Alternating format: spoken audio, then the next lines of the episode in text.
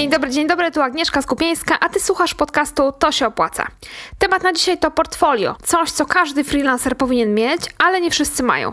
Coś, co może ci bardzo pomóc w zdobywaniu zleceń, ale przede wszystkim coś, co może przekonać twojego klienta, że warto pracować akurat z tobą. Będę dzisiaj odpowiadać na pytania, które zadają mi czytelnicy bloga i które zadają mi też uczestnicy mojego kursu Zacznij zarabiać na pisaniu. I to będą takie pytania właśnie, jeżeli chodzi o portfolio, bo one się powtarzają i cały czas pytacie o to samo. Z tego odcinka dowiesz się m.in. co umieścić w portfolio, jeżeli dopiero zaczynasz swoją karierę freelancera i jak dużo projektów dać do portfolio. Zanim zacznę, Zaznaczę tylko, że to, o czym będę tutaj mówiła, to jest moje zdanie i moje doświadczenia. Zarówno jeżeli chodzi o e, doświadczenia freelancera, czyli takiej osoby, która sama świadczy usługi, jak i z tej drugiej strony, czyli osoby, która od czasu do czasu poszukuje kogoś do współpracy, takiej współpracy zdalnej i przegląda portfolia różnych wykonawców.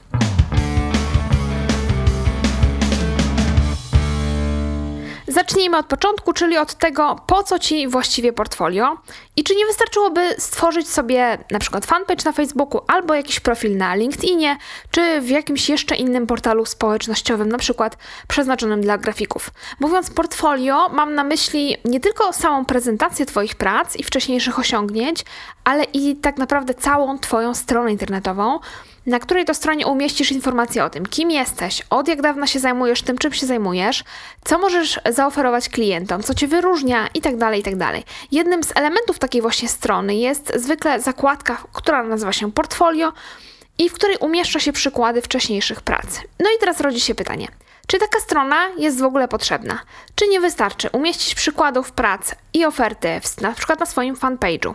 Możliwości Facebooka są teraz takie, że właściwie e, tak naprawdę cały sklep można zbudować na Facebooku, tylko na Facebooku. Ofertę też można na Facebooku, na fanpage'u bardzo ładnie, w taki fajny sposób zaprezentować. No i tak na przykład robią coraz częściej restauracje. Obserwuję to przynajmniej u nas w Łodzi, że e, wiele jest restauracji, które nie mają swojej strony, mają tylko fanpage na Facebooku, gdzie można znaleźć menu, można znaleźć informacje o godzinach otwarcia, można znaleźć e, zdjęcia e, produktów, numer telefonu itd. Tak to jest oczywiście wygodne, to jest znacznie tańsze niż zamówienie strony www, e, łatwiejsze też w obsłudze, bo każdy w miarę tam umie obsługiwać Facebooka, więc dodanie kolejnego zdjęcia, dodanie menu, uzupełnienie jest tutaj znacznie łatwiejsze, ale to nie jest do końca dobra droga. Już mówię Ci dlaczego. Powody są dwa. Po pierwsze, strona na Facebooku nigdy nie będzie należała do ciebie. Ta strona na Facebooku, ona zawsze należy do Facebooka. Ona może zostać w każdej chwili zlikwidowana albo zawieszona, i wtedy twoi klienci nie będą mieli jak się z tobą skontaktować. Czy potencjalni klienci, no bo klienci już cię znają, już jakiś kontakt do ciebie mają. E, to jest pierwsza sprawa, ale druga sprawa jest taka: strony www można pozycjonować, można podejmować działania, które zmierzają do tego, żeby na przykład na dane hasło, powiedzmy, fotograf ślubny Łódź, żeby twój Twoja strona wyskoczyła wyżej niż strona konkurencji. Pod warunkiem oczywiście, że jest to strona internetowa, a nie strona na Facebooku. Co więcej, można też kupić reklamę Google AdWords na wybrane hasła i tego też oczywiście nie zrobimy, jeżeli nie mamy swojej strony internetowej, a mamy tylko wizytówkę w mediach społecznościowych. No i skoro już wiemy, że e, stronę z portfolio e, trzeba mieć, czy warto mieć, to teraz zastanówmy się, co na takiej stronie może się znajdować. Powiedzmy, że jesteś początkujący w swojej branży, jeżeli dopiero zaczynasz, nie masz projektów, którymi możesz się pochwalić e, przed potencjalnymi klientami. No i co zrobić? I ja mam dla Ciebie kilka propozycji. Po pierwsze, jeżeli chcesz zarabiać jako specjalista w branży, to myślę, że już coś w tej branży robiłeś. Przynajmniej e, no, wierzę, że, że tak jest, bo inaczej nie chciałbyś zarabiać e, w tej branży nic nie umiejąc. No więc skoro już coś w tej branży robiłeś, coś umiesz, e, masz już coś na koncie, jakieś projekty wcześniejsze, nie muszą to być projekty komercyjne, absolutnie. E, ale powiedzmy, że na przykład chcesz tworzyć strony na WordPressie. No i mogę się założyć, że e, masz już na koncie pierwsze strony na WordPressie wykonane dla kogoś za darmo, albo dla siebie, albo dla znajomych, albo dla kogoś z rodziny. I to właśnie, takie darmowe pierwsze projekty to mogą być projekty, które dodasz do portfolio, e, jeżeli nie masz nic innego, co mógłbyś tam umieścić. Drugi pomysł. Możesz spróbować wykonać jakiś projekt dla kogoś specjalnie po to, żeby umieścić go w portfolio, ale nie na takiej zasadzie, że ktoś od ciebie tego wymaga. E, zamiast zapłacić ci, mówi, będziesz miał do portfolio, tylko na takiej zasadzie, że ty wybierasz firmę, ty wybierasz kogoś, dla kogo chciałbyś coś stworzyć i proponujesz taki układ. Dobrym tropem może być nawiązanie współpracy, na przykład z jakąś organizacją pozarządową, powiedzmy z jakąś fundacją. Tutaj tak naprawdę możesz upiec dwie pieczenie na jednym ogniu, dlatego że po pierwsze zrobisz stronę, którą umieścisz w portfolio. Oczywiście, jeżeli jesteś twórcą stron, czy zrobisz jakiś inny projekt, który umieścisz sobie w portfolio, i nawet jeżeli nie zarobisz za to ani grosza, no to e, właśnie będziesz miał jakiś projekt, którym możesz się e, pochwalić. Ale po drugie, będziesz mógł też się pochwalić współpracą z jakąś znaną marką, czyli właśnie z fundacją, bo fundacje często gdzieś tam są rozpoznawalne. Więc ym, pojawi się y, taka też możliwość, że y, jakieś pierwsze znane marki będą na Twoim koncie y, i w tym Twoim portfolio się znajdą. No i pojawi się też możliwość zdobycia referencji, które klient powinien Ci chętnie wystawić. Jeżeli oczywiście za darmo się dla niego napracowałeś, no to tym bardziej chętnie wystawi re, taką dobrą recenzję czy, czy referencję dla Ciebie jako wykonawcy. Więc tak naprawdę nawet nie dwie, a trzy pieczenie na jednym ogniu, zgłaszając się do jakiejś organizacji pozarządowej, jest to zdecydowanie opcja warta rozważenia, jeżeli się dopiero zaczyna.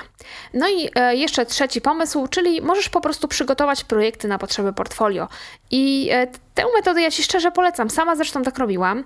E, kiedy szukałam zleceń na pisanie tekstów, w pewnym sensie takim projektem do pokazywania w portfolio stał się też mój blog, dlatego że z czasem, kiedy ja szukałam zleceń na pisanie tekstów, przestałam już pokazywać swoją stronę z ofertą, zaczęłam pokazywać swój blog, to się opłaca, dlatego że było tam dużo artykułów, które ktoś mógł sobie przeczytać i zobaczyć, jak piszę. Więc zaczęłam wysyłać link do bloga potencjalnym klientom, a nie link do swojej strony z ofertą. I powiem Ci, że tak naprawdę klient chce zobaczyć, jak pracujesz, chce zobaczyć, jakie są efekty Twojej pracy, jaki masz styl, jeżeli chodzi o pisanie, jeżeli chodzi o grafikę, jeżeli chodzi o ilustrację, czy jeżeli chodzi o zdjęcia, czy, czy czym tam się innym zajmujesz.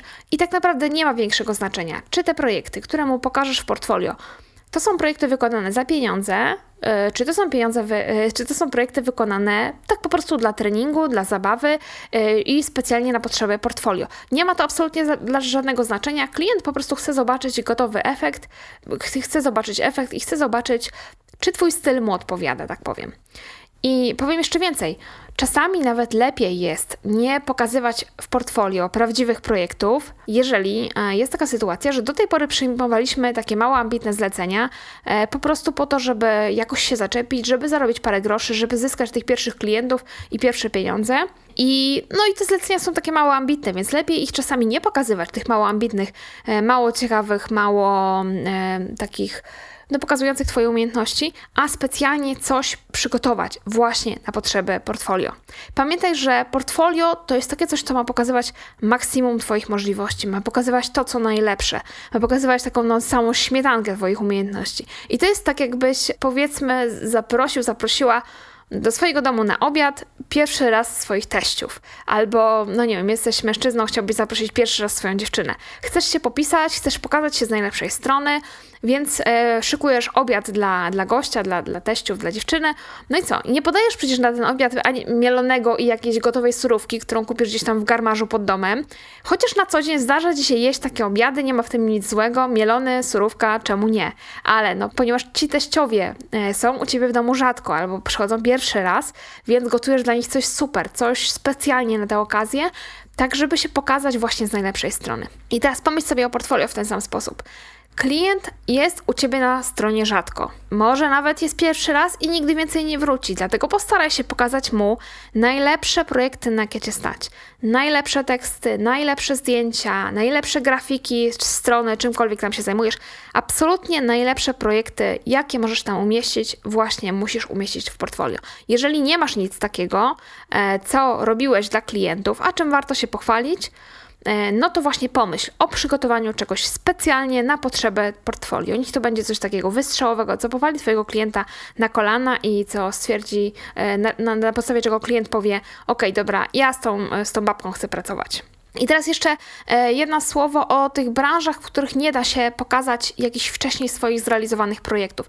No bo łatwo jest pokazać, jeżeli jesteś fotografem, jakie zdjęcia robiłeś, jeżeli jesteś twórcą stron, jakie strony robiłeś tak dalej. Ale co ma pokazać na przykład wirtualna asystentka? Coraz bardziej popularny zawód, który jak widzę, coraz więcej freelancerek, e, głównie kobiet w tym zawodzie startuje. Tutaj mam oczywiście trochę trudniejszą sprawę, dlatego że asystentka nie może przecież pokazać projektu strony czy projektu teksty, który napisała. Czasami może, ale no zwykle asystentka po prostu wiele takich drobnych rzeczy ogarnia, no i trudno pokazać jakieś projekty i wtedy najlepiej zastosować dwa wyjścia. Albo pochwalić się nazwami, nazwiskami czy nazwami firm, yy, klientów, z którymi asystentka do tej pory pracowała, albo też, i to jest lepsze rozwiązanie, poprosić o opinię tych właśnie dotychczasowych klientów. No i po prostu nie będzie tej strony, tej zakładki portfolio, ale za to będą opinie. I jeżeli i tego nie da się zrobić, dlatego że klientów jeszcze nie było, no bo znowu jesteś początkującą wirtualną asystentką, dopiero zaczynasz, to tutaj znowu pozostaje wyjście ze znalezieniem jakiegoś klienta, oczywiście koniecznie klienta ze swojej grupy docelowej, dla którego to klienta będziemy mogli pracować przez jakiś czas za darmo w zamian za recenzję na stronę. Praca za darmo nikomu się nie uśmiecha, ale czasami właśnie e, no, warto poświęcić trochę czasu, żeby się czegoś nauczyć, żeby się móc czym, mieć czym pochwalić, żeby jakieś referencje i, recenzje swojej pracy e, dostać. I jeszcze wracając do tematu e, tego tematu z nazwami klientów, czyli czy umieszczać na swojej stronie nazwy swoich klientów, nazwy firm i czy ja mogę to zrobić bez pytania o zgodę, bo powiedzmy, że to jest jakiś e, klient, z którym ja pracowałam dawno, nie mam już z nim kontaktu, nie pytałam go wcześniej, czy mogę jego logo umieścić na swojej stronie, ale teraz buduję portfolio i bym chciała to zrobić. Czy ja mogę to zrobić? Bardzo często jestem o to pytana.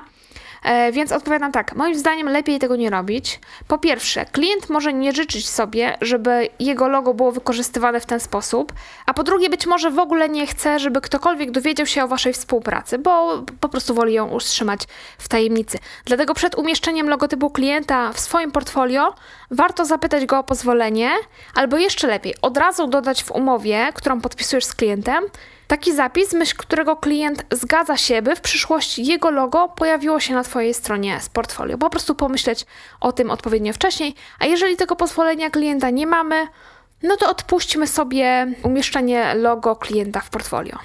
I ostatnia sprawa, ile projektów powinno się umieszczać w portfolio? Sugeruję, by było ich nie więcej niż 10 z każdej kategorii. Jeżeli zajmujesz się tworzeniem identyfikacji wizualnej i do tego robisz strony internetowe i banery reklamowe, to umieść na stronie przykładowe projekty z każdej z tych grup, ale nie więcej niż 30 łącznie. Niech to będą absolutnie wyjątkowe, najlepsze projekty, jakie masz na koncie, a nie wszystko, co do tej pory e, zrobiłeś, wszystko, co, e, czym możesz się pochwalić. Pamiętaj też o sukcesywnym sprzątaniu strony i usuwaniu tych starych projektów, dlatego że każdy się rozwija, każdy jest coraz lepszy w tym, co robi. Znaczy, mam nadzieję, że ty też regularnie się szkolisz i e, jestem przekonana, że robisz dzisiaj zupełnie inne rzeczy niż robiłeś powiedzmy 3 lata temu czy, czy 5 lat temu i dlatego nie ma sensu zostawiać w portfolio prac, które mają już ładnych kilka lat, które być może są w jakichś tam e, trendach, które były wtedy, a dzisiaj się robi pewne rzeczy inaczej. Lepiej je zastąpić te projekty aktualnymi dokonaniami, z których naprawdę jesteśmy dumni w tej chwili, a nie e, byliśmy dumni te 5 lat temu. No i jeszcze ostatnia moja rada. Projektując swoje portfolio, zawsze miej przed oczami grupę docelową i pokazuj takie projekty, które zachęcają potencjalnych klientów do kontaktu. Czyli jeżeli szukasz zleceń z fotografii, fotografii produktowej, to pokazuj w portfolio zdjęcia produktów, a nie portrety. Jeżeli chcesz pisać głównie teksty na blogi firmowe, to pokazuj w portfolio teksty na blogi firmowe, a nie na przykład hasła na ulotki czy jakieś opisy produktów.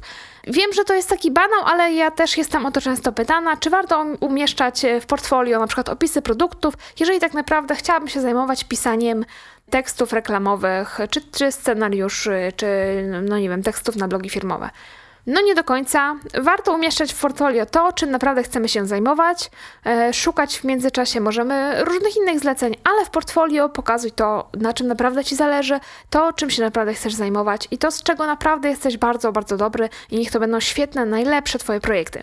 Pamiętaj, że musisz ułatwić klientowi decyzję i musisz mu pokazać, że y, potrafisz wykonać robotę, do której on szuka freelancera i że jesteś w tej robocie naprawdę, naprawdę świetny. I to tyle, jeżeli chodzi o portfolio. Jeżeli są jakieś tematy, które chciałbyś, abym poruszyła w podcaście, a które mają związek z pracą freelancera, to daj mi proszę znać na agamałpa.to A dzisiaj dziękuję za uwagę i do usłyszenia w kolejnym odcinku.